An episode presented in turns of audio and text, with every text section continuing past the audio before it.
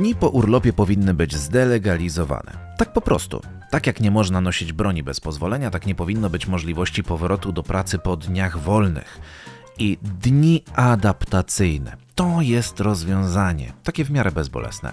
Coś takiego funkcjonuje na przykład w przedszkolach. Przyprowadza się jeszcze niczego nieświadomego małego delikwenta do przedszkola, zamyka drzwi i czeka aż bomba wybuchnie. Bomba to oczywiście płacz i skowet oraz lament za rodzicem oraz absolutny rollercoaster zachowań względem nauczycielek i innych dzieci. I właśnie dlatego w te dni dzieci siedzą znacznie krócej w przedszkolu, żeby się przyzwyczaić.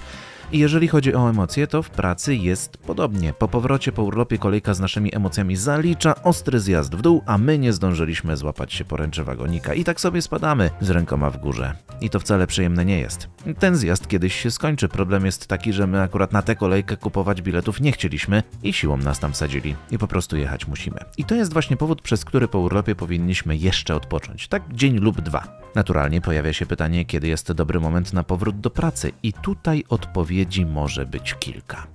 Wtedy, kiedy poczujemy się na siłach, wtedy, gdy już stwierdzimy, że jednak wypadałoby już wracać do pracy, lub ostatnia opcja, gdy zły szef do nas zadzwoni i ogólnie w prostych słowach przez telefon przedstawi nam plan na dalszą współpracę, jeżeli do pracy nie wrócimy. Wydaje mi się więc, że jednak mój pomysł będzie całkiem niezły. Problem jest taki, że nikt nam czasu pracy od tak skrócić nie może, no bo przecież, panie Areczku, w naszej firmie pracuje się od godziny 8 do godziny 16, więc nie będzie pan szybciej wychodził, nawet jeżeli pan pracę skończył. I to jest niestety standardem na polskim i nie tylko polskim rynku. Ale zastanówmy się, bo gdybyśmy nie musieli siedzieć w pracy przez określoną ilość czasu, to na ile prawdopodobne by było to, żebyśmy siedzieli przez pełny wymiar godzin? No wszyscy wiemy, że prawdopodobieństwo jest raczej znikome.